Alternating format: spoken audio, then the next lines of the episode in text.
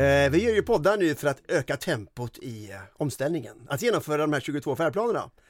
Och då vill man ju plocka in kloka människor som kan lära oss hur vi kan ja, hitta vägarna fram och Ja, det är ju en enormt historisk eh, utmaning att ställa om samhället så här snabbt. Så då är det bra att eh, bjuda in olika kloka människor som kan eh, lotsa oss fram och hitta genvägar. Ja men precis, vi har ju lite tema förändring och hur eh, klimatomställningen kan ske på ett snabbare sätt och hur beslut sker. Och, eh, vi snackade i förra avsnittet med Martin Lindqvist, eh, SSABs VD, om de här frågorna också. Eh, och eh, ja men du, eh, vi som leder podden. Ja precis, jag tänkte säga det. Ska vi säga vad vi heter? Ja, ja jag heter Malin Strand. Ja, jag heter fortfarande Svante Axelsson. Och det är väl dags vi presenterar gästen idag då? Absolut. Ja, och idag har vi då med oss Bo Normark som är industristrateg på InnoEnergy. Välkommen! Tack så mycket! Ja, hör du Bo, lite som inledning här, vi är lite nyfiken på din mamma. Ja. Vad hade hon för egenskaper tycker du? Ja, alltså hon, hon var ju min förebild på många sätt. Bland annat att hon var en stor teknikoptimist mm. och i, i extremt intresserad av teknik. Va? Jag kommer ihåg att jag var en gång på en flygutställning där de visade sådana stridsplan.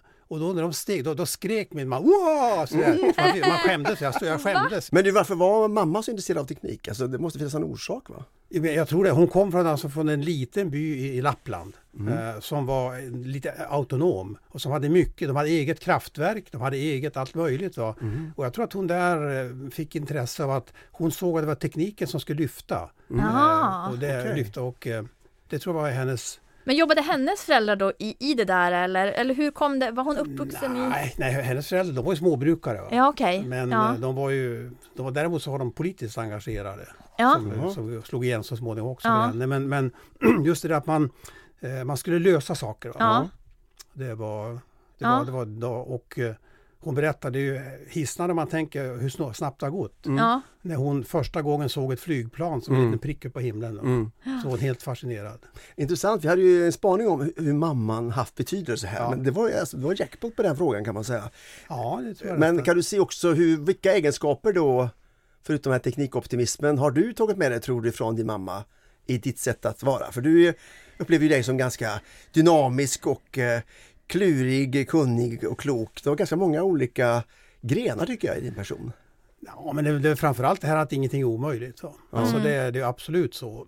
det är ingenting är omöjligt. Och, och sen också det här att man måste söka svaren utanför. Okay. För när kommer man från en, en liten by i Lappland då måste man söka sig utanför byn om man ska mm. få svaren. Mm. Och jag sträcker lite längre för jag, jag, räcker, jag söker mig ju långt ut idag för att hitta svaren. Ja. Mm. Vad, vad, vad tänker du då? Nej, men, det gäller inte allting vi håller på med. Att jag blir ganska frustrerad ibland i Sverige när vi pratar så oerhört eh, lokalt. Mm. Alltså vi, mm. lösningar lokala och vi, jag upplever ibland en, en, stor okunnighet om vad som händer. Det behöver inte vara så långt borta. Mm. Eh, och det, det där fick jag ännu mer befäst på eh, slutet på 70-talet. Jag bodde i USA mm. och upptäckte då att trots alla goda kommunikationer så har teknik och idéer svårt att sprida sig. Mm. För på den tiden vet ni så fanns det ju då de enda tvättmaskiner man kunde köpa i USA. Det var sådana där, kommer ni ihåg, det var en grej som stod vickad i mitten. Jag kommer nog inte ihåg det. Ja, det nej, förlåt. det, men de, de, de tvättmaskinerna förbrukar mycket vatten, mycket tvättmedel och tvättar inte rent. Mm. Och då föreslog jag då som en innovativ idé att man skulle köpa sådana med en trumma. Ja, just det. Eh, som, eh, och då tittade de på mig och sa, men det går ju inte för de är ju för stora. Ja. Och vet ni vad det kom ifrån? På deras tvättinrättningar stod ju jättestora sådana. Och jag sa Mm. att men i Sverige så har vi gjort dem mindre. Mm. Ah, så. finns det? Ja. Man, hade inte sett det lite. Ja. Så, och det, då tänkte jag, men kan inte en sån enkel idé sprida Mm. sig? Då, då är det ju något som vi måste tänka på. Men hur gör man då tänker jag när man kommer till nya miljöer som kanske tycker att oj, gör ni på det här konstiga sättet? Hur säljer man in den nya idén för att inte hota det som då det kan ju också upplevas lite pinsamt att du kommer med en sån fräck idé. Ja, alltså, jag kan, jag, det är lättare att säga om man inte gör. Ja. Eh, och eh, hur man inte gör det, det är att man säger att eh, this is how we do it in Sweden. Ja, okay. Alltså det är ingen bra. För att, eh, utan man måste faktiskt ta det på ett annat sätt Ja. och, försöka- och förklara varför det är bra. Ja. Sen så ska man också, grundregel två, man ska inte prata illa om det här andra. Nej. Utan man ska prata bra om det jag tycker om. Ja, Mm. Och det, det gäller i alla lägen. ja.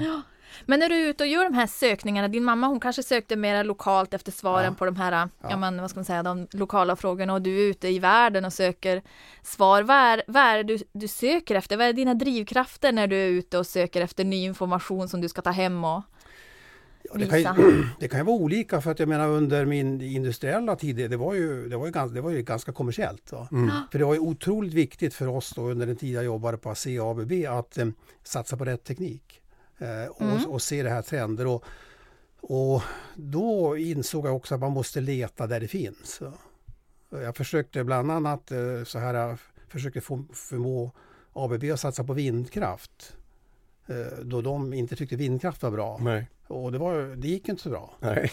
Eh, Så att, eh, nej men det, Men vad, vad hände där då? Alltså, du försökte sälja in vindkraften men det var inte moget eller var det fel taktik? Eller var det... ja, men det, det, var nog, det var säkert fel taktik för jag var antagligen för aggressiv där. Alltså, jag, jag, jag, Har du varit aggressivare förut tycker Jag du? slipar längs vägen här Har då. du varit? Alltså, ja, Ja. mycket mer på. Ja. Mycket på. Ja. Nej, men jag är lite, lite mer taktisk nu. Ja. Ja. Men, men, eh, nej, men det var just därför att Det här är man, ett intressant spår. Ja, man, var, man var ju bekymrad för man sa så här med, med Bo sa de att vi kan inte prata om det här eh, för att eh, då känner våra kunder att vi inte är seriösa. Alltså våra kunder. Och man, eh, ni ka- kanske kommer ihåg den som det bild som jag, och, som jag brukar visa. Som inte jag utan min utvecklingschef Gunnar Asplund gjorde. Som visade ett 100% förnybart Europa. och den bilden den var, ju, den var så förbjuden att visas externt av samma skäl. Mm. Eh, och eh, där kan man säga en annan sak att om man, om man ska vara visionär så gäller det att eh, prata med rätt folk. Mm. Mm. Eh, faktiskt. Just Det. det. kan vara en bra idé. Och vilka är rätt folk då? Vilka är dina som du söker dig till då? Ja, men på, på, det, det, gäller, det beror lite grann vilket stadium man är. Va? Och, och, och idag är det ju så, det är ju, alltså, det är fantastiskt alltså det här med att eh, man kan komma åt information över hela världen. Man behöver inte cirkulera runt jorden. Och det, man, det finns ju ett antal sådär tänkare eh, ute i världen som man kan lyssna på då och då. Och, se vad de och sen också finns det idag en hel mängd olika institut som samlar information i prognoser. Och där, eh, där brukar jag bli fascinerad över att alla dessa informationsinsamlare som sitter och horder av, av kloka människor, hur de kan ha så fel ibland. Ja, just det. Alltså det, det känns lite häpnadsväckande. För att, och då, då måste man ju ta till något annat knep än att bara kopiera vad andra gör. Och det är till exempel att, att eh, som jag säger det här, inse att det är väldigt sällan att förlopp är kontinuerliga. Det vill säga man säger att jo, det är exponentiellt. Mm, det. Det- Ekonomer gillar det. Ja. Det stiger med 3 per år, 5 per år. Ja. Så, att så sker det sällan. Mm. Utan det gäller att hitta de här brytpunkterna Mm. när det händer någonting. Mm. Och eh, det, är- det är lite svårare men det är mycket roligare. Mm. Vi kanske kommer tillbaka till för Ja. vi var inne på det här med vilka du litar Precis. på och sådär. Ja. Jag fick också en tanke om här att sälja in en sak. eh, Jag tycker det var en kul tanke du hade, alltså just att när man ska sälja in någonting nytt måste man då bekräfta att de har gjort rätt hittills. Alltså, om man nu har kärnkraft och ska sälja in vindkraft, då måste du hitta en brygga då så att de känner att det är inte fel det vi har gjort, men det finns en ny yta som är bra för oss att gå vidare på. Ja men det är, väl, det är väl ett bra grundtips och just det, jag brukar ofta säga det, man måste försöka lyfta fram att det har hänt någonting. Ja. Och det har gärna hänt någonting som ingen av oss hade kunnat förutse. Mm. Och då Inga kan skuldkänslor man- kvar, kan man Då säga. kan man hänga upp det på det. Va? Det, Mm. det kan vara en bra idé. Så att eh, det tror jag finns, eh, ja, det är i grunden en väldigt bra tanke. Men är det den typen av metoder, när du sa att jag har blivit mer taktisk nu, är det den typen av metoder du har lärt dig då? Hur man eh, får andra att förstå förändringen och kanske vikten av det här nya? Att, eh, ja men dels att inte såga det gamla och så att säga att någonting stort har hänt som gör att det är nya insikter. Är det, är det fler saker sådär som du har? Jo men det är väl så här för att jag menar om man ska ta den stora bilden för att det är klart att när man var, hade industriell karriär då, då mätte man ju sin, sin egen insats och sin egen position efter hur många anställda man kontrollerade, Mm. hur Ja. mycket bu- budget det Ja, hade. okej. Idag har jag ju en helt annan skala, det är hur mycket jag påverkar. ja. Mm. Och, och det är så jag försöker, alltså hur, om jag nu vill påverka max, maximalt, Mm. då är det det jag vill. ja. Då måste jag försöka fundera hur bär man sig åt? Mm. Eh, Och då kan man ju inte stöta bort eh, folk.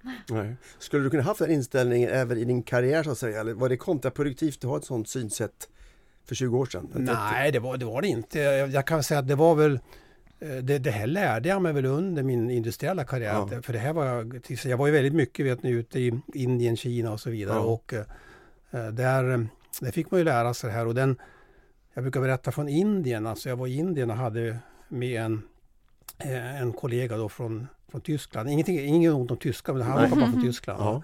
Och eh, han ägnade hela resan åt att kommentera hur varmt det var, hur smutsigt det var. Mhm. Jaha, Och, och han, han, såg, han såg bara det. Va? Mm. problem. Ja, och problem, problem.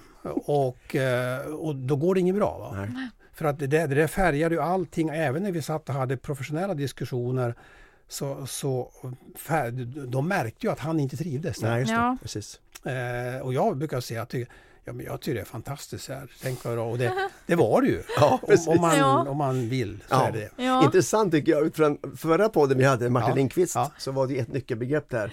Jag är, ser bara möjligheter. Ja. Alltså Ja. det har ju med förhållningssättet vad man ser och vad man betonar och hur det också påverkar eh, omgivningen omkring en. Absolut, absolut. Men jag är också inne på den här spaningen, mamma var en viktig roll. Finns det andra, eh, för vi ska snart gå in i Ja. hela det här tekniksprånget som du kan jättemycket om, men finns det andra idoler eller personligheter som känner att det där var en person som jag... Men, jag tror, det jag delar med väldigt många, det, är- det är att eh, min, min första chef, Ja, eh, och det var väldigt Vem var det? fascinerande, han heter Karl-Erik eh, eh, just det. ja Karl-Erik. Ja, Karl-Erik. Karl-Erik Ja, han. Karl-Erik. Ja, Karl-Erik, självklart. Han heter Karl-Erik. Och det var en mycket speciell person vet ni, för att jag började ju då på ASEA och jag var utbildad elektronikingenjör. Mm. Och jag hade läst digitalteknik. Mhm. Absolut eh, spetskompetens hade jag. Och så kom jag in där och så sa de att eh, goda nyheter, dåliga nyheter. Goda nyheter, du får börja jobba här idag. Dåliga, det är att den, den order du skulle jobba på, den nya Gotlandsöverföringen, den kom inte. Så vi har ingen beställning att jobba på. Så vi behöver egentligen inte din kompetens. Nej! Shit alltså. Så det var ju Det det var det var lite snopet. Va? Och, Ja. Men då, då hamnade jag hos denne Karl-Erik som var en, en, alltså en eh, oerhört märklig människa. För att han, han, han, han såg ut ungefär som, nej, han är ju död nu, jag, Ja. jag, jag, men han såg ut ungefär då som någon som hade eh, som är med i de här eh, pistvakt ungefär. Ja. Ja. Kom in Ja. va? Ja, Stövlar på sig och, okej. och han hade läst eh, ingenjör som på Hermodskurs med sån här eh, Ja, korrespondenskurs. Men han var ett snille. Jaha. Och han var en, eh, alltså det var han det var den första som lärde mig att se möjligheter i tekniken. Mm. För att han satt och jobbade på, det här var också ett teknikskifte. Mm. Och det brukar säga alla som har varit med om ett teknikskifte inser hur brutalt det är. Mm, just det. För att hela Ludvika var byggt då upp runt det här med att man hade såna jonventiler när man byggde så hö, högspänd likström. Och sen hade det kommit något eh, krafthalvledare som heter tyristorer. Okej. Och alla tyckte det där var ju, det var ju Mickey Mouse-grejer. Och, men Karl-Erik han, han hade liksom för sig det här att jo, men om de blir större. Mm. Så att han, han satt och räknade på vilka egenskaper ska de här ha när de en gång blir större, för då Mm. kommer de att bli. Just det. Mm. Och, och sen när jag kom in då så, så jag blev hans räknesnurra för att jag kunde ju något som han inte kunde, jag kunde räkna. Saker. okej. Ja. Just det. Så, och eh, sen visade det sig att nästan alltid när jag har räknat så hade ju han intuitivt ko- kommit rätt i alla fall. Jaha, okej.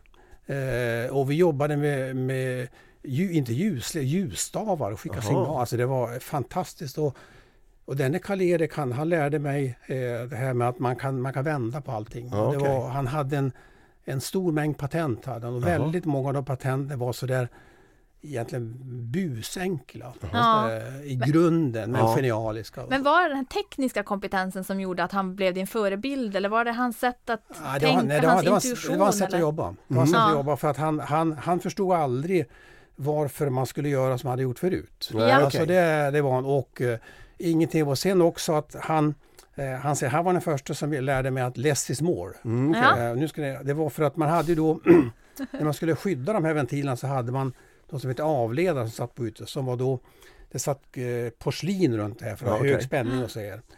Och sen så fick vi då en kund som hade ett nytt krav att man skulle då testa vad som hände om, om de här porsli- porslinen sprängdes. Mm. Och vi sprängde porslin och det flög åt åt alla möjliga håll. Och så funderade man på hur man skulle sätta nät och då, då kom han in till mig, Karl-Erik, och sa Nej nu Bo, nu har jag löst det hela. Så. Ja vadå då? Så. Jo, sa för jag har tänkt ut det här, sa han, att de här sitter ju inomhus. Och de är egentligen, det där porslinet, det är för att skydda dem när det är dåligt väder. Och Ja. inomhus är det inte dåligt väder, det Nej. är alltid bra väder. Ja. Så vi tar bort porslinen. Jaha. Ta bort porslinet kan du inte göra? Hur ska du hålla upp? Jo, så spänner vi ihop det med glasfiberbultar. Mhm. Ja, det var ju genialiskt. Ja. Och, och så gör man sen. Ja, Det var, ja det- intressant. Och det var, alltså, det- och det, det, den typen av, av, av Mm. eh, upp, det, tycker jag var så, så elegant. Ja, Ja, och jag triggas ju också av att tänka att man ska inte göra exakt som förut hela tiden. Nej, alltså. precis. Och sen, sen har jag haft många efter honom men han var nog den som påverkade oss mest. Mm. Ja. Vi, vi kanske är på väg in nu snart ändå Ja. i teknikspåret, men jag måste bara ändå gå tillbaka till en fråga Bo. Eh, och det var när du sa eh, att eh, i ditt nuvarande jobb, Ja. nu, nu vill du ju påverka. Ja. Vad är det du vill påverka? Nej, men jag, jag, jag, jag ser ju den här möjlighet, alltså alla möjligheter som ges då av, av den här energiomställningen och det byggande nya industrin. Ja. Mm. Och det vill jag påverka så att, så att det går fortare. Jag vill ju gärna vara med på det här. Mm. Ja. Eh, Det är förstås. Så att, eh, och jag måste ju, jag, jag är ju rätt, jag, är till ålder, åren kommer, så jag har inte så mycket tid på mig. Mm. Brukar jag säga. Du ser ganska pigg ut. Ja. Ja. Jo, men det måste hända mycket på Ja. 20 år nu. Men hur mycket drivs du av, eller hur mycket klimatångest har du? Hur mycket ser du på den uh, oron? Nej, men det, det har jag egentligen inte. Alltså det har jag egentligen inte. Och eh, för att, jag menar, på något sätt, alltså den här, det, jag tror inte, jag tror inte att det är ett bra drivkraft. Nej. Alltså det är egentligen av det skälet, inte för att jag inte tror att på alla förutsättningar, jag tror att det är, det är en dålig drivkraft. Mm. Utan det är en betydligt drepp, då är det det här positiva igen. Det, det positiva är att ja, det går ju faktiskt göra. Mm. Även om det såg besvärligt ut. Ja. Mm. Och det tror jag fler och fler, och det går, vi har ju exempel då fler och fler att det går att göra och det går att göra och det går att göra fort. Mm. Eh, sen kan det ju vara att man behöver, eh, om vi kommer in på det, alltså det är samverkan mellan Ja, vi kommer in Eh, på. Det, men, och där kommer jag in på också det här med att eh, just de här kopplingen mellan eh, den här nya tekniken tycker jag är så fascinerande och att man bygger ny industri tycker jag är Mm. fascinerande. Att man Även att man ifrågasätter den här världsordningen att vi kan inte tillverka saker i Europa. Nej, det måste tillverkas i Asien. Mm. Som jag har aldrig förstått. Nej. Mm. Det, så allt det här hänger ihop för Mm. mig. Va? Mm. Nu är vi på väg in i bryggan här. Nu. Ja. Alltså, jag tänkte, mitt minne av dig och din kollega, tänker jag, och det var så komiskt, du nämnde det själv här innan du innan Ja. jag kom in. Gunnar Asplund, Mm. 1992. Mm. En karta, jag var i Naturskyddsföreningen då. Eh, och vi var ju så chockade över Ja. denna karta. Uh, den var radikalare än alla miljörörelser i världen. Ja. Där Europa var vindkraft till havs, Ja. oljeplattformarna var borta, Ja. det var vindkraft Ja. överallt. Och det var solceller i Afrika Ja. och det var ABBs kablar överallt. Ja. Och det, var, Och- det fanns även vätgaslager. Vätgaslager. Gjorde det? Var det Han, han, det, var, det var komplett. Och så tänker jag, nu händer ju det. Ja. Alltså 92, Ja. eh, och det här, du har ju själv, jag tycker, Ja. du, din personlighet tycker jag är du, Ja. att du ligger ju alltid före. Så vi kommer att ha, gå in i en spaningsrunda nu, att liksom, vad är det du kan berätta om framtiden? Om det här var rätt 92, Ja. vad kommer du att säga nu i den här lilla podden? Som kommer att hända om 10, 15, 20 år. Så vi kommer att Ja. så här, valsa runt i olika frågor här. Ja. Men vill du kommentera ändå den här känslan av att det, det är ju faktiskt precis det som händer nu. Ja, det, jag kan siffrorna till och med. det var 200 gigawatt vattenkraft, det har vi. Ja. Eh, Vi skulle, vi skulle ha då 700 gigawatt eh, också vind. Vi är på väg. Mm. Jag tror vi är uppe i 400 nu. Eh, Vi kommer ha 700 ungefär 2025. Solen sen, där Mm. ligger efter. Men även där, det kommer inte exakt Nej, okej. 900 000 gigawatt. Och Mm. det kommer, det, men felet vi, ha, vi hade, Ja. eller Gunnar hade i den här, vi kommer, kommer, det blir fel ibland, det är att eh, solelen är inte Afrika. Nej, Och vet ni varför? nej. Därför att eh, det ingen av oss hade lärt då, men som jag kan nu, det Ja. är att man måste tänka på vilka ekonomier, eh, vilka teknologier skalar upp, det vill säga blir billigare per enhet om man ska göra dem större. Mm. Det är inte sol Nej, just det. eh, och det är inte batterier. Nej, just det. Eh, eh, men däremot vindkraftverk. Ja. just det. Eh, Det där är ju en nyckelfråga. det är en nyckelfråga. Ja. Mm. Och det hade, och sen, sen en annan aspekt på det här som, som vi ju inte tänkte på då, det är ju det är som här mm, politiska aspekter. Mm. Eh, Men, men frånsett det, alltså just det här med hur skalbar en teknik är. Mm. Alltså, Ja. Man kan skala genom dimensioner eller man kan göra väldigt många. Mm. Det är andra sätt att skala. Mm. Men när ni kom med den här kartan då Ja. och visade den för folk och det var Ja. innehöll alla de här framtidsteknologierna antar jag att det var då 92. Hur blev ni bemötta? Ja, alltså vår, vårt, vårt, eh, vårt argument för kartan det var att vi skulle sälja kablar. Ja, Och- det, det, det såg så. Men, men det händer ju nu. Varför Ja, träffade ni Svante då? Han köper ju inga kablar. precis. Nej, men, nej, men det var, det var alltså hur vi bemötta för att Ja. från början så tyckte jag att det var ja, men kul, kul, kul idé ungefär. Ja. Men, men det var ju ingen som, jag kan säga det, det intressanta var att när längre fram i tiden när folk börjar inse att det kunde faktiskt bli, det var då man började ifrågasätta. Mm. Och det brukar jag säga att eh, får du ingen kritik då har ingen brytt sig. Va? Nej, precis. Nej. Men när folk börjar, och när de blir riktigt upprörda då har du antagligen träffat rätt. Ja.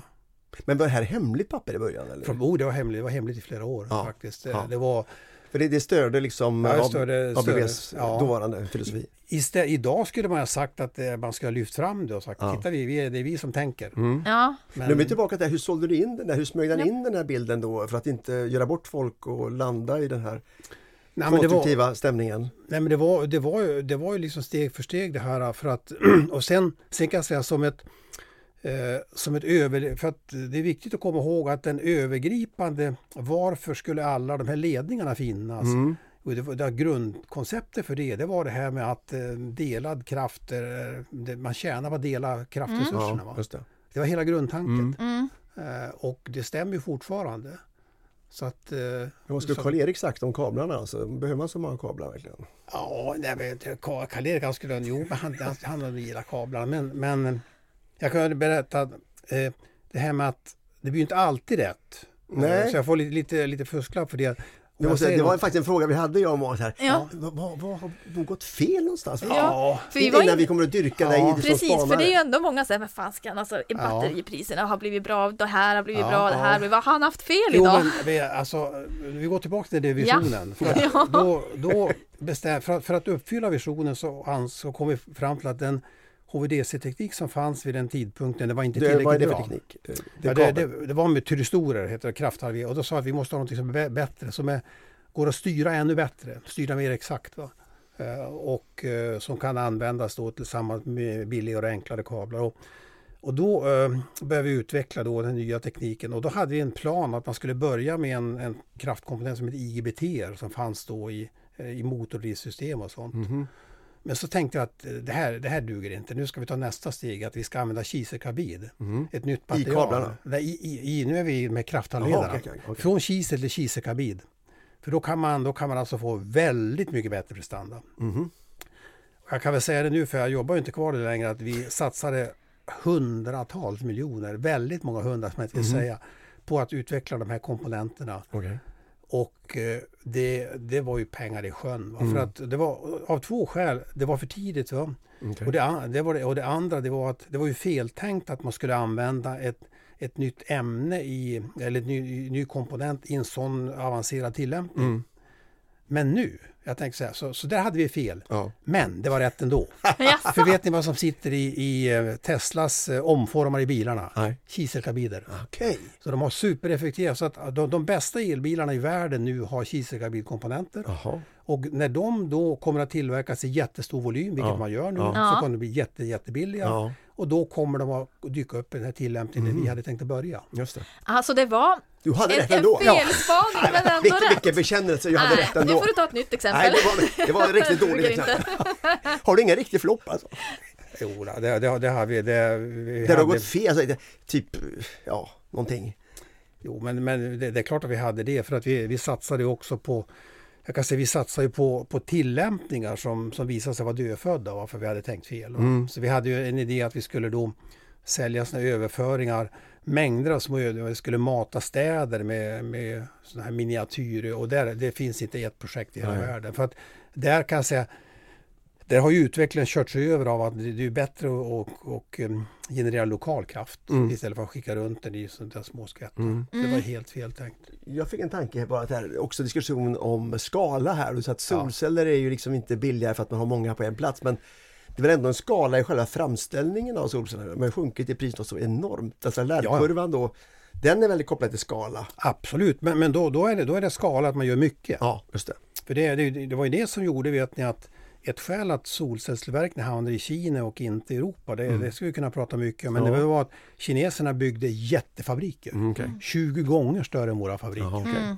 Eh, det var, för de, de vågade skala upp Mm. Mm. Och det var skalan i själva produktionen. i produktionen. Ja. Ja. Men, eh, sen, sen är det ju, det är klart att det, det finns ju en viss eh, skalekonomi, att bygga, men den är, är inte så stor. Nej. Ja.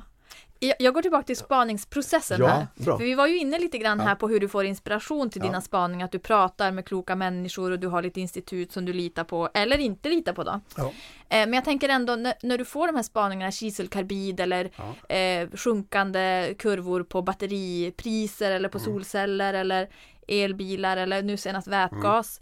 Eh, hur, hur, hur går processen i ditt huvud till? Och när, när känner du, vad är det som behöver ske för att du ska känna, när nu går jag all in, jag tror verkligen på det här. Nej, men det, det, jag kan ta... Det, det beror på, men jag, jag kan ta ett exempel. Ja. Så kanske, och det var vätgas. Ja, just det. Det är, jag är ju lite rookie i vätgas, men det var, det var för ungefär tre år sedan. För att jag, jag jobbar ju då, jag har ju många jobb för att hålla igång då. Och, och ibland rå, rådgivare till Totalkoncernen, Mm, just som är ett stort energiföretag. Mm. Och i rådgivningsgruppen då så, så vi var ju två personer som fick till uppgift att titta på vätgas. Det var för tre år sedan. Mm.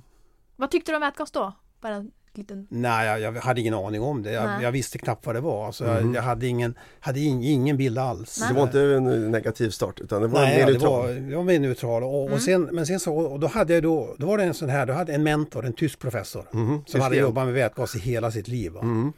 Och som, han kunde alla fakta, men jag kunde ju då tillföra att jag eh, ifrågasatte om det, om det var allting behövde vara som det var förut. va? Ja. Så det var en bra kombo Det var där. Karl-Erik. Karl-Erik Style. Det var en Karl-Erik Ja. typ där. Och eh, Och mamma. då, då och så säga, vilket ögonblick var det då jag fick det aha av sig, men mm, shit vad är det som händer? Jo, det var när vi satt och tittade på det här och jag pratade då med eh, norrmän som är duktiga på att göra elektrolysörer. Jag pratade på de här och, och så kom jag fram till att men, och det var norrmännen som lärde mig. Mhm. Det här innebär ju att om tio år så är grön vätgas billigare än naturgas. Mm. Shit. Shit. Va, va, för att, för, eh, ni ska veta att Totalkoncernen, deras, hela deras affärsidé är att oljan kommer att försvinna men naturgasen den har vi ju i hundra år Ja, ungefär precis. till. Ja. Mm. Och eh, när, jag, när jag fick det så men, men bara tvungen att titta, men kan, det, kan det vara sant? Ja. Kan det, kan det vara så här? Mm. Och, och eh, då, då tänker man, det här måste man ju faktiskt kolla närmare på. Mm. Och den, så att det, det var väl det här aha-momentet. Ja. Eh, Men ni satt, på, ni satt och räknade och kollade Ja, och och titta på kurvor och så vidare. Men, Fick du en kritisk fas efter den då? Alltså att man tänkte shit, vad är det här? Ja, för det var ju, och det, det finns ju kritiska far för att jag säger så här att det, det förutsätter ju en hel del saker att det här ska hända. Ja, och, som- eh, som till exempel för det som jag kunde tillföra då som, som ingen av de andra, för att jag vet hur ett kraftsystem fungerar. Ja. Och jag, för jag, eh, ni kommer ihåg det här projektet Vägval el vi hade Ja. en gång i på IVA. Mm. Och då, en bild jag kommer ihåg därifrån det var att 20, någonstans 2030, 2040 eh, med det system vi håller på att bygga nu så kommer vi att ha noll elekt, elpris 20 procent av tiden. Mm. eh, Ungefär. Mm. Mm. Och då satt jag och tittade på kurvorna och så kollade jag om jag har eh, en elektrolysör Mm. eh, som går 20 procent av tiden med elpriset noll. Jaha. Vad blir det då? För, vad kommer ut i andra änden? Ja, just det. Väldigt billig vätgas. Just det. Mm. Just det. Och det här var den stora revolutionen då för de övriga. För, för då, då var jag den enda som kunde kraftsystem. De Ja. andra var superduktiga på gas. Ja, just För de räknade, vad, vad kostar elen? Jag var säga, det beror på. Mm. Och elen kan kosta noll faktiskt. Och den kan kosta noll. Och det, ja men sa de, men, ja men det herregud, det det måste ju vara om hundra år. Nej, det är kanske om tio år. Och, och det, det, det visar ju också det här med att det, det kan vara bra att man plockar ihop folk med lite olika bakgrund. Mm. Det är, eh, och det, det är ju för lite idag. Mm. Och eh, jag har ju en av de här eh, som jag drar, lansen som jag drar, vi måste lära oss att använda samma enheter. Mm. Alltså för jag blir, får bryta ihop när man tar om sådana här BTU och Mm. alla möjliga, räkna kilowatt och kilowattimmar. Men vad tror du då om vätgasen som bygger på då lågt elpris? Ja. Och så har vi nu en debatt i Europa om, om, höga elpriser. Kommer vätgassamhället att, komma senare eller är du lika trosviss i att elpriserna kommer att ligga så lågt? Nej, det, är alltså det, ja, det jag tror det är för att det är så att vi ska vara klara det, det går väldigt mycket el. Och jag tror alltså att vi under en, vi har en period då vi kommer att eh, behöva använda mycket av den elen till annat. Mm. Alltså att det, det, är mer angeläget faktiskt. Alltså för att den stora uppgiften vi har nu det är att trycka ut kolet till att börja med Ja. och sen trycka ut gasen. Mm. Och, och där, jag tror att skulle jag, eh, så ska jag prioritera de, de projekt eller de aktiviteter som gör det. Va? Mm. Sen kommer vätgasen att komma att, och där, om man då ska börja, och där, där anser jag att som vi har börjat i Sverige med stål, det är ingen händelse att vi har börjat med stål. Nej. För ni vet att stål, det är den, det lärde jag mig också då.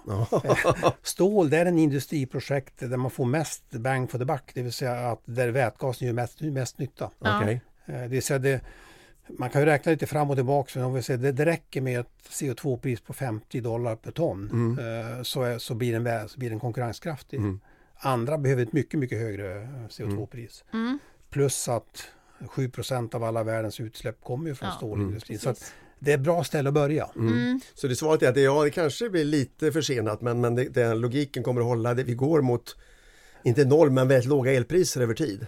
Ja, alltså det, det är bara att se det här för att någonstans det här marginalpriset, det måste ju bli vad, vad kostar det att bygga ny kraft? Ja, Alltså det, jag har ju svårt att se någon annan logik. ja Mm. Eh, och, eh, så att tillfälligt kan det självklart bli stora. Och där, där tror jag det har ju mitt, mitt mantra med att det här med energilager. Det, det, och jag, jag har just suttit och tittat på det här. Att det, jag är också frustrerad över att vi gör en massa scenarier i Sverige där man inte har med energilager. Mm. Eh, vare sig det är batterier eller vätgas eller vad än det är. För det gör andra. Och då har du också en spaning igen. Va? Mm. Mm. Man behöver inte gå så jättelångt. Man kan titta på Storbritannien. Det är ju faktiskt en ö Mm. Hur de, hur de ser, tänker sig Just det. lösa det. här. Och de har då tittat på den optimala mixen av olika för produktionsslag plus då lagring plus Mm. internationella förbindelser. Mm. Mm. Nej men för det kan jag själv tycka när man, Ja. när man pratar om framtidsscenarier Ja. och sånt där. Det, det är så himla mycket antaganden i allting. Ska man anta lager, ska man anta Ja. framtidstekniker, ska man anta Ja. olika Ja. och marknader. Och, Ja. Eh, så det måste ju vara en utmaning när du väl satt där med den här experten från Tyskland med vätgasen. Ja. Vilka antaganden ska vi tro på för att det ska bli det här scenariet där om tio år är naturgasen eh, eller vätgasen billigare än naturgasen. Jo, nej, men det, det, det är ju det här med att Alltså det, för, någonstans så blir det här och det, det, det finns ju viss risk att man går bort sig där. Så är då att, att det här med att eh, för det, Någonstans i förlängningen så blir det ju brist på kapital också. Mm. Jag menar man, det, jo, det är i och för sig billigt men vi, vi klarar inte att bygga så Mm. mycket. Ja. Mm. Eh, Så att, eh, och då, då får du en rekyl i det. Men när vi tittade på, på just den här vätgassidan så det vi mest försökte zooma in oss på det var att, det var att eh, hur ska ett energiföretag som Total förhålla sig? Mm. De omsätter ju lika mycket som Sveriges statsbudget Mm. eh, och tjänar fortfarande vansinnigt mycket pengar. Men vad ska de göra sen? Ja. Mm. Vilken roll ska de ha i det här? Och det funderar jag på, liksom, det var så kul att höra hur, hur du liksom får, du nämnde ju att teknikskiften Ja, går ju fortare Ja. och mer dramatiska. ja, Och vätgas är ju ett sånt. ja. Eh, har du fått nya uppdrag i Totals styrelse och titta på nya frågeställningar som du kommer att säga nu om tre år att Shit, det här var ju helt banbrytande. Na- Tänkte jag na. inte alls på när jag gjorde podden med Malin och Svante. Nej, nej men det, det, jag kan säga det, det, man, det, det är väl egentligen att spåra in på det för att de har ju insett nu, och det är inte bara min förtjänst, men de har insett att ska man satsa på någonting så är det elkraft. Va? För det är ju ju det som växer. Ja. Och sen kan man fundera hur man, hur man producerar den elkraften och var man ska sitta i värdekedjan. Och ett traditionellt företag som Total, de måste ju fundera på hur använder man eh, vi våra resurser. Ni vet, de har ju arméer av ingenjörer. Ja. Inte små utan stora. Stora ingenjörer. Eh, och då kan man säga att eh, ska man bara kasta ut dem eller ska man försöka använda dem? Och då, då har jag försökt att, styra dem mot råden mot att ja, kemister kan man väl använda till annat än olja, Mm. eller hur? Precis. Det, det kan vara ett tips. Ja. Eh, Och vad händer då när du säger så? Ja, eh, ja det, det, nu får jag inte, nu kan jag inte gå längre men det är Tänker du batterier då eller? Detta är Ja, batterier, Ja. batterier till exempel. Mm. Alltså ba- batterier är ju kemi och, och eh, det finns ju även mycket annat.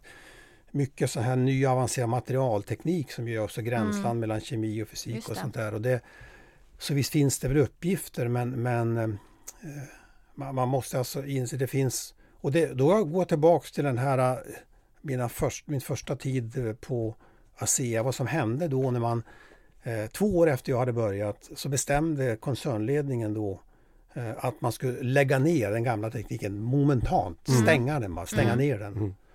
Och det var ungefär 400 personer som jobbade där, alla gick i vita rockar, alla hade var eh, hjältar va? Mm. Mm. och plötsligt så behövs det inte längre. Mm. Och det är ungefär som idag om jag då är en världsmästare på att göra insprutningssystem till dieselmotorer. Mm. Det är ju en jättebra kunskap Mm. Att ha en gång men Mm. kanske inte sen. Va? Och vad, vad gör man med det här? Och då är jag tillbaks till alltså att det, det, det, räcker, det hjälper ju inte att man för sånt talar om så jävla korkade de är. Alltså man Mm, har nej. tänkt fel hela livet och, och eh, du kan lika gärna... Så att, utan man måste på något sätt eh, se att det finns väl någonting för dem också. Även Mm. om man kanske måste ändra sig, Mm. det man gör. Men det, det tror jag är oerhört viktigt. Det, det, det kommer att... För det finns många sätt att sabotera utveckling. Och Mm. Ingenjörer är finurliga på det kan jag säga. Okej. Inte bara tänka ut nytt. Mm. Utan hur man ska skjuta sönder nya idéer, det är de också duktiga på. För att försvara sin eget uh, oligopol eller starka position på marknaden? Eller? Ja, men sen, sen jag, jag, jag, jag tror många av dem, man gör det inte av, av illvilja, Nej. utan man, Mm. man tror faktiskt det här. Mm. Ja. Eh, och sen ska vi ju ärligt säga alltså att ett, eh, ett problem vi kan ha, sådana som, som jag upplever, det är att om man är eh, om man är för, eh, måste säga att man är för optimistisk säger, jo det gick ju inte så fort som du sa. Mm. Mm. Nej, men säger jag då, okej, Mm. men det kommer att gå fortare när vi börjar. Mm. Vi ska snart lämna just spaningen Ja, va? det ser Ja. ut som du har något på gång här. Ja, precis. Ja. Jag tänkte ändå, oraklet sitter ju här. Ja. 92 hade du kartbilden ihop med din kompis Gunnar Asplund. Ja. Säg vilka tre stora teknikskiften är vi mitt uppe i tror du, eller kommer bakom hörnet som har enormt stor inpå, eller påverkan på att underlätta och påskynda omställningen till fossilfri värld? Ja, alltså det, det, är, det är min nya spaning. Det, det, är alltså, det är elflyg. Okej. Alltså det är, för det är, och, och där ingår ju även alltså då att eh, eh, det kommer att förändra hela transportsystemet. Mm. Mm. Eh, för att man, man kan få, ja, alltså jag brukar säga att köp en ö i skärgården i Stockholm. För snart kan du köpa en drönare så du flyger in till centrum på fem minuter. Mm. Som inte kostar mer än en bil. Mm. Och elflyget tänker du, är det en timmes resa eller är det två? Eller? Ja, det, till att börja med, men man, man, täcker, ju- man täcker ganska mycket på alltså en och en halv timmas flygtid ungefär. Mm. Täcker Mm. rätt. Så så det, det, det tänker jag. Det, det tror jag på det här med att 2040 så är det kommersiellt eh, på riktigt gångbart. Ja. va? 2040 först. Mm. Jo, Kommersiellt nej, men- på riktigt. Ja, kommersiellt på riktigt, okej. Man börjar flyga 2025, det Mm. första. Men på Mm. riktigt alltså. Det, och det, även om man är optimist så nästan alla sådana här, det, ja, 10 Mm. år tar det. Ja. Ja. Och det är plan som rymmer 50 pers kanske? Ja, något sånt där, Ja. 50 pers. Så Mm. Det, det, Det var kommer en. komma. Ja, Nästa. Det kommer. Elflyg. Ja. Tvåan, stort, viktigt. Nej men sen, sen tror jag på att, eh, men det här är nytt. Det här är en bubbla. ja, det är, nej, men det- jag, jag tror på det här med att det kommer att komma för att vi har ju, vi har ju sol och vind. mm. Men det kommer att komma någonting mer där. Mhm. Som kan vara vågkraft till exempel. okej. Alltså det, för det, och det är för att vi, vi, vi måste ha eh, större variation. Va? Sen, sen tror jag på Så reversion, alltså fler ägg i korgen? Eller? ja, fler ägg i korgen Ja. va, med, med olika produktionsprofiler. mm, va? precis. Men alltså vågkraft, det får man inte att känna var nytt. Nej men det finns ju inte idag. Alltså, det, Alltså att det inte finns kommersiella lösningar utan det finns en Nej. massa bubblande Men vad är, startups. vad är det som är nytt där? För det har ju Mm. försökts massa med bojar hit och Ja. dit och lite grejer. Nej, men jag tror att det som är, det som är nytt och, och nu är jag är bias, jag sitter, jag sitter som rådgivare till Ja. det, Ja, var, okej. det är att, Det det var att man, det. man har tagit, man har tagit, när man har tagit alltså ett nytt grepp alltså för att ett av det här som jag säger, och det, då går jag tillbaka till de här grund, hur man kan bedöma om en teknik är rimlig eller inte. Mm. Det, är hur mycket material går det åt för att bygga den här prylen per Mm. megawatt och per Mm. Megawattimme? Mm. Och de har alltså lyckats få ner material. Det går åt dramatiskt mycket mindre material, vilket gör att det går att... Får man det där att hålla så blir det billigt. Okej. Mm. De tidigare lösningarna var hopplösa för att det gick åt för mycket material. Men är det här under vattenytan som det kommer att suga, alltså fånga upp kraften? Eller är det så Nej, här Det är på ytan. ytan? Det är på ytan. Men Okej, det, det var tvåan. Mm. ja. Trean? sen, eh, sen, eh, sen, sen tror jag då att eh, den stora, den stora revolutionen som vi har framför oss, det är sektorkopplingar. Alltså det här med att man, man tänker ihop eh, till exempel industri och kraft. Va? Okej. Man tänker ihop eh, kraftsystem och eh, transportsystem. Mm. För det är så stora grejer på och jag tror det, vi, vi har inte greppat riktigt mm, alltså potentialen i det här. Nej. Och vilken kop- sektor, vilka sektorer kopplas först på Ja, det, det, är, det, är transport, det är transporter och, och kraft. Mm. Alltså det, är för, och det, är, det är också det här med att vi pratar ju nu, för jag, jag ser att vi ska, ha, vi ska ha batterilager, men vi har ju alla dessa rullande batterilager. Mm. Du vet bara en sån här uh, tummen pekfinger, det finns en miljon bilar i Stockholmsområdet. Mm. Mm. Anta att 250 000 av dem är, är eh, laddbara bilar Ja. Mm. och som har vehicle to grid-koppling. Ja. Eh, och där du då kopplar upp de där eh, med till exempel 10 kilowatt. Det, det, det är de standard Mm. man har. Och, så, och det innebär att du plötsligt du har alltså då eh, de här 250 000 bilarna. Va? Det blir 2500 megawatt. Mm. Det är mer än hela Stockholms elförbrukning. Va? Mm. Och, du kan, du, och du har flera timmars drift. Ja. Med en fjärdedel av bilarna Ja. kan alltså driva hela jäkla Stockholm Mm. i flera timmar.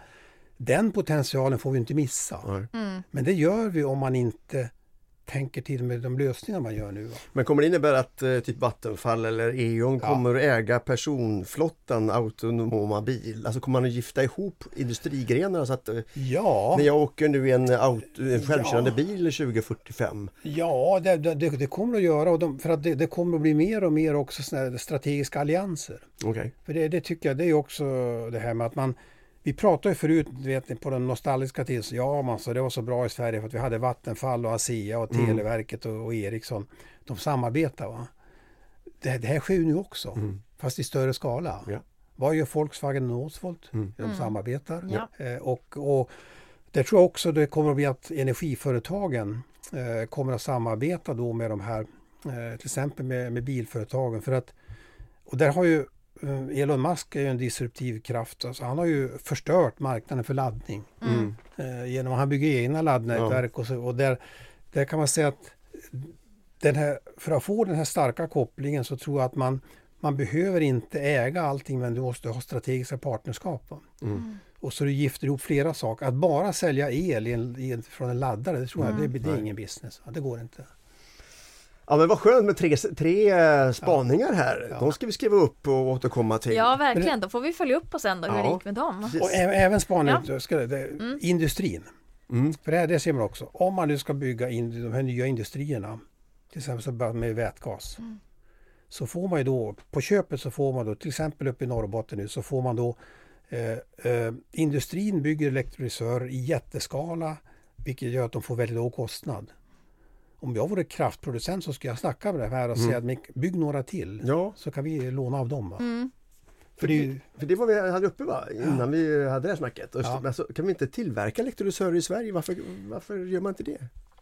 Och det, där är det väl dessutom så att elektrolysör är en ung teknik. Där tror jag att det finns, eh, finns mycket teknikutveckling på gång. Va? Okej. Ja, det, det är mycket som vi inte har gjort där. Bland annat få upp verkningsgraden och få ner kostnaden. Så att Mm. det är en ung teknik och, och tillverkas ju fortfarande i liten skala ska ni Mm. veta. Det, det är småskalig tillverkning idag. Men, men sp- du som gör spaningen här. Är det ingen som sitter och bubblar på det här och, till, och ska etablera något i Sverige? Eh, På vätgas? Elektrolysörstillverkning i Sverige? Ja, det kan väl hända. Ja, du verkar veta något här. Alltså. Nej, Nej. Nej men, alltså, men rent logiskt, då, då, då går jag gå till om det här vätgas blir så stort som vi tror. Ja. Eh, Då ungefär, ni vet jag har jobbat med den här batterialliansen. Mm. När jag träffade Peter Karlsson då 2016 han sa jag ska bygga Europas största batterifabrik och jag sa du är knäppisk, det kan inte vara klokt. Så sa han att du har inte fattat det här sa han för att jag ska bygga en, vi behöver 30. Ja. just det. Vet ni hur många batterifabriker som är på gång i Europa idag? Ungefär. Gissa på, vad skulle du säga? Hur många batterifabriker? så- Jag tror inte 30 är på gång. Nej, Men kanske 20 kanske? 15-20 kanske? Ja. Vi, vi, vi skickar in 15-20. Ja, 40. Nej. Men alltså då ska vi säga att en del av dem är idéstad, men det, det är 40 identifierade projekt. Oj. Åh herregud. Eh, Hur många och blir det av av dem då? Det blir väl 30 som Peter. Ja. Ja. Exakt. Men du, här hade du ju en bra eh, brygga över till, eh, vi vill också prata lite grann om, om nu när de här stora teknikutvecklingssprången sker, Mm. eh, så är det ju industrin har ju stor roll såklart, men också har staten och EU och andra, eh, den typen av aktörer, en viktig roll här. Och här nämnde du ju själv Ja. eh, Battery Alliance och vi har, du pratade Mm. tidig, tidigare om kompetensskiftet. Det är också intressant att gå in på vad du tycker statens roll är. Men vi kanske börjar på EU-spåret. Vad tycker du EUs roll är i det här stora teknikskiftet? Jag kan börja mer lokalt än så. Ta exempel för att, och det är så för att, och nu går jag igång ordentligt. För Ja, okej, att, nu kör vi. för självklart har samhället en uppgift. Ja. Jag menar, de, de som säger något annat, de, de, de har fel menar jag. För att det är så här att, så att man säger då att industrin de vet alltid och finns det något bra så kommer de att utveckla. Det stämmer inte. Mm. För att då är det här med risktagande Mm. Och riskdelning. Och, eh, jag berättade lite grann det här när vi började ta fram den nya HVDC-tekniken som byggde på eh, den här visionsbilden. Mm. Eh, Det skulle aldrig ha blivit av om inte det första projektet eh, hade betalats av ASEA en tredjedel, staten en tredjedel Mm. och Vattenfall en tredjedel. Ja, just det.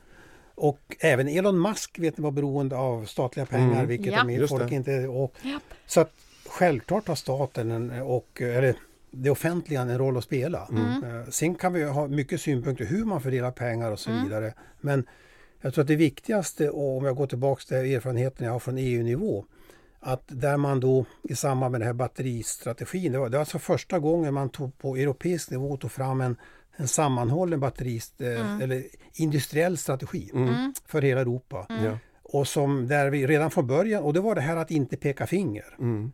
För att vi började när vi frågade industrin så vi vill ha det här, vi vill ha så, så vad ska ni göra? Va? Så vi skulle definiera vad ska industrin göra?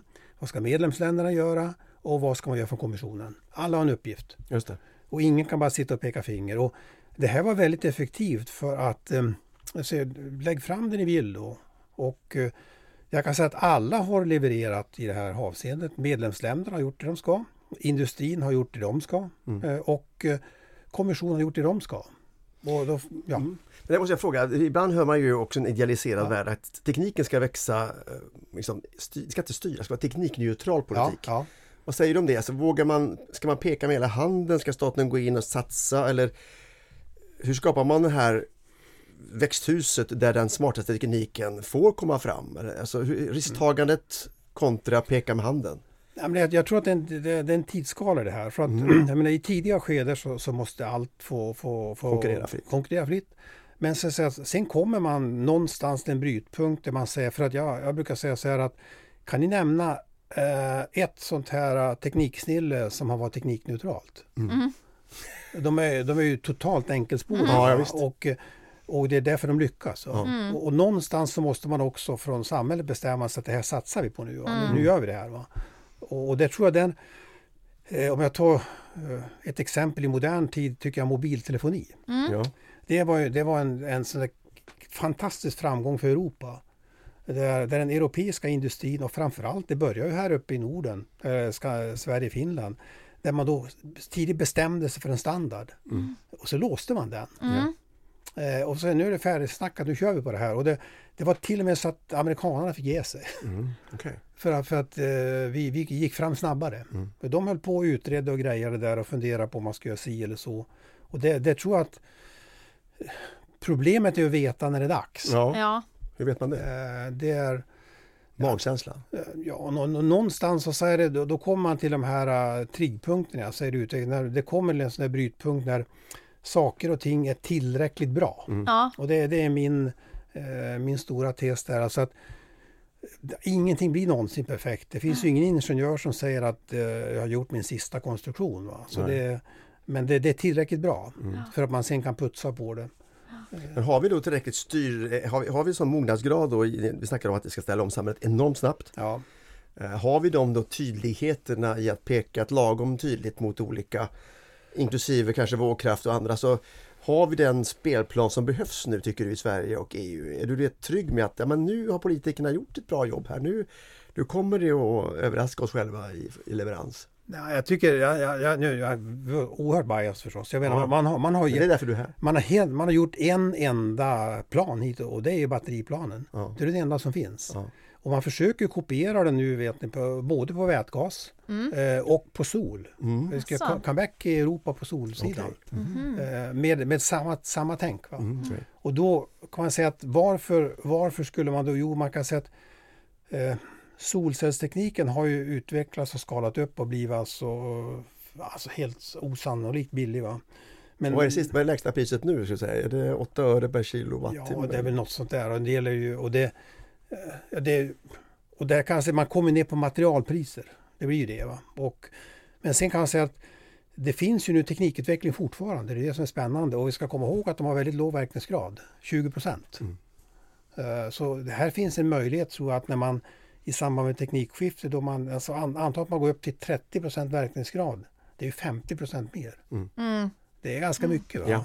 Mm. Och, eh, så att eh, det kommer att komma faktorer som är bortom det. Man behöver inte gå ännu lägre i kostnad. Mm. Men om vi går tillbaka till, till statens roll och Ja. hur du tycker att eh, status är just nu och du nämnde på EU-nivå så Ja. behövs det mer än bara en, en riktad strategi mot batterier. Det Ja. behövs mer på, det kommer på vätgas men det kommer några fler områden. Hur ser du på i Sveriges roll? Känner du dig trygg eh, med hur staten påskyndar utvecklingen här? Ja, jag ska vara lite, jag måste vara lite kritisk där. För att jag menar, det, vi, har, vi håller på att missa en möjlighet. Vilken är det då? Eh, jag, jag har någon gång hört det här att nej, det går inte på grund av EUs konkurrensregler. Man får inte göra saker, eller hur? Va? Ja.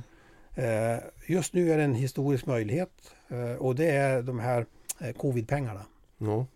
eh, som eh, staterna får och, som, och där man från början har sagt att ni kommer aldrig bli anklagade för att eh, dumping. Va? Ni Nej. får göra vad ni vill. Ja. Eh, och där använder Sverige nästan inga pengar till den typen av projekt. Mm. Medan till exempel Tyskland dundrar in pengar. Och vilka projekt tänker man skulle kunna dunka in med? Ja, alltså bara, bara så ni förstår storleksordningen. Alltså, Tyskland satsar 6 miljarder euro bara på vätgasprojekt. Är det här Tyska inom den här staten. ramen för de här IPSEI, Ja. IPCAI du Ja, det, det, pratar det om är nu? inte IPSE, det, det här är, det, IPSE det, det är ett annat. Det är Okej, alltså då- det här är ett annat. Mm. det här är ett annat till och med. Utan det, här, Är det, det- det är covidpengarna. Va? Det är det, covidpengarna det, det, alltså. utanför Är det också. investeringsstöd eller är det driftstöd eller både och? Ja, Det, det kan vara både, för att de, de har identifierat, så de räknar ju med att 6 miljarder satsar staten och ytterligare industrin satsar 20 så de har 26 miljarder. Medan vi i Sverige, det är ju, det är ju nålpengar vi satsar. Mm. Och s- vet ni hur mycket covidpengar Sverige har? 40 miljarder kanske? Helt rätt, Svante. Högsta betyg. Och 40 miljarder, det är ju också pengar om man säger Ja. precis. Ja. Och de bara, bara tryckts in i den vanliga ordningen. De har, de har hamnat Mm. i statsbudgeten som Mm, det heter. precis. Och det Alltså- var en missad chans. Man vill inte, alltså alla de här samtalen vill man ju inte avsluta. Nej, Men jag vet inte hur länge folk orkar lyssna. Men vi har ju varit eh, igång ett tag nu. vi har det. Ska vi börja runda av? Och då är egentligen frågan, vi har ju tänkt att, men Bo har ju varit, du är ju en luring alltså. Du, du tänker utanför boxen och ligger längre fram. Det är alltså kul att höra på det för man, varje gång jag hör dig nästan så får jag alltid någon ny Ja. tanke. Idag var det ju vågkraften som, som chockade. Eh, Men om du ska summera nu det här, vad vi tänker framåt, det är kanske Ja. med repetition. De, de tre, ja, tre, fyra viktigaste teknikskiftena som vi ska vårda då för att klara av omställningen. Så, så blir det de, ja du kanske... Alltså, alltså det, alltså det, vi måste utveckla fler förnybara alternativ än vind och sol. Ja, Och då tog jag vågkraft som ett exempel. Det kan Ja. finnas andra också. Men vi, vi kan inte ha bara de benen. Va? Det är min, eh, och det andra det är alltså det här med att alltså elektrifiering av transportsektorn den måste alltså gå väldigt mycket fortare och där kommer det in, det sa jag inte, för där, där kommer det in, hoppas jag, att vi får en annan ägarbild. Alltså det här med att man, man kom- kommer ifrån att man har egna prylar och så vidare. Det, det har vi inte ens pratat om. nej precis. Men jag, jag hoppas att, eh, att det kommer in, för det, det måste komma också. Mm. Bara. Eh, Och, och sen som jag sa det här med att om vi kan lära oss då att, att samverka mellan olika indus, industrigrenar. Va? Som Mm. att, jag ser att man för nu pratar vi att vi bygger industrikluster men kanske då om att industrikluster innehåller då kraftkomponenter också. Mm. Och som jag sa, transport och eh, elektrifierad transportflotta och kraftsystemet det är ju en, det är ju en nästan idealisk match. Va? Mm. Vad säger du Malin? Var du, eh, vi har ju hört Bo flera gånger. I dagens Bo, eh, vad fick du med dig? Eh, ja men jag tyckte det var kul uttryck som, eh, som du hade där Bo, att teknikskiften de kan vara brutala. Eh, och eh, ja men det känns som en bra drivkraft också för den här podden och hur vi pratar om förändring och vad det är som behöver komma till för att det inte ska åtminstone kännas så brutalt de här teknikskiftena som behöver ske i ganska högt tempo eh, nu. Så jag tycker det var kul, ja det var eh, slående uttryck sådär. Eh, sen var det inspirerande att höra liksom dina mm, drivkrafter till att, eh, till att driva på det här så hårt, att du vill vara, du vill vara med och du vill visa för det omöjliga. Eh, det tycker jag också var, var inspirerande. Sen såklart de här eh, teknikspaningarna är ju såklart kul. Men vad säger du då Svante? Nej men jag tycker att mamma lever ju fortfarande. Ja. Du, du är ju en person som har enormt, tycker jag, så fokuserat på möjligheterna. Man känner ju när du pratar, så det är bara fram, det löser sig. Och just den inställningen gör ju att också saker löser sig mycket snabbare. Eh, och sen tycker jag det var intressant att också gå ifrån de här enskilda lösningsdelarna som vind och sol och se system, koppla ihop sektorer. Det är en annan typ av innovation där man korskopplar på en annan maktstruktur och där Ja, anar jag Precis. enormt stora effekter. Ja. Ja, Ja, vi tackar varandra va? ja. Tack så mycket. Tack så jättemycket. Bo. Tack!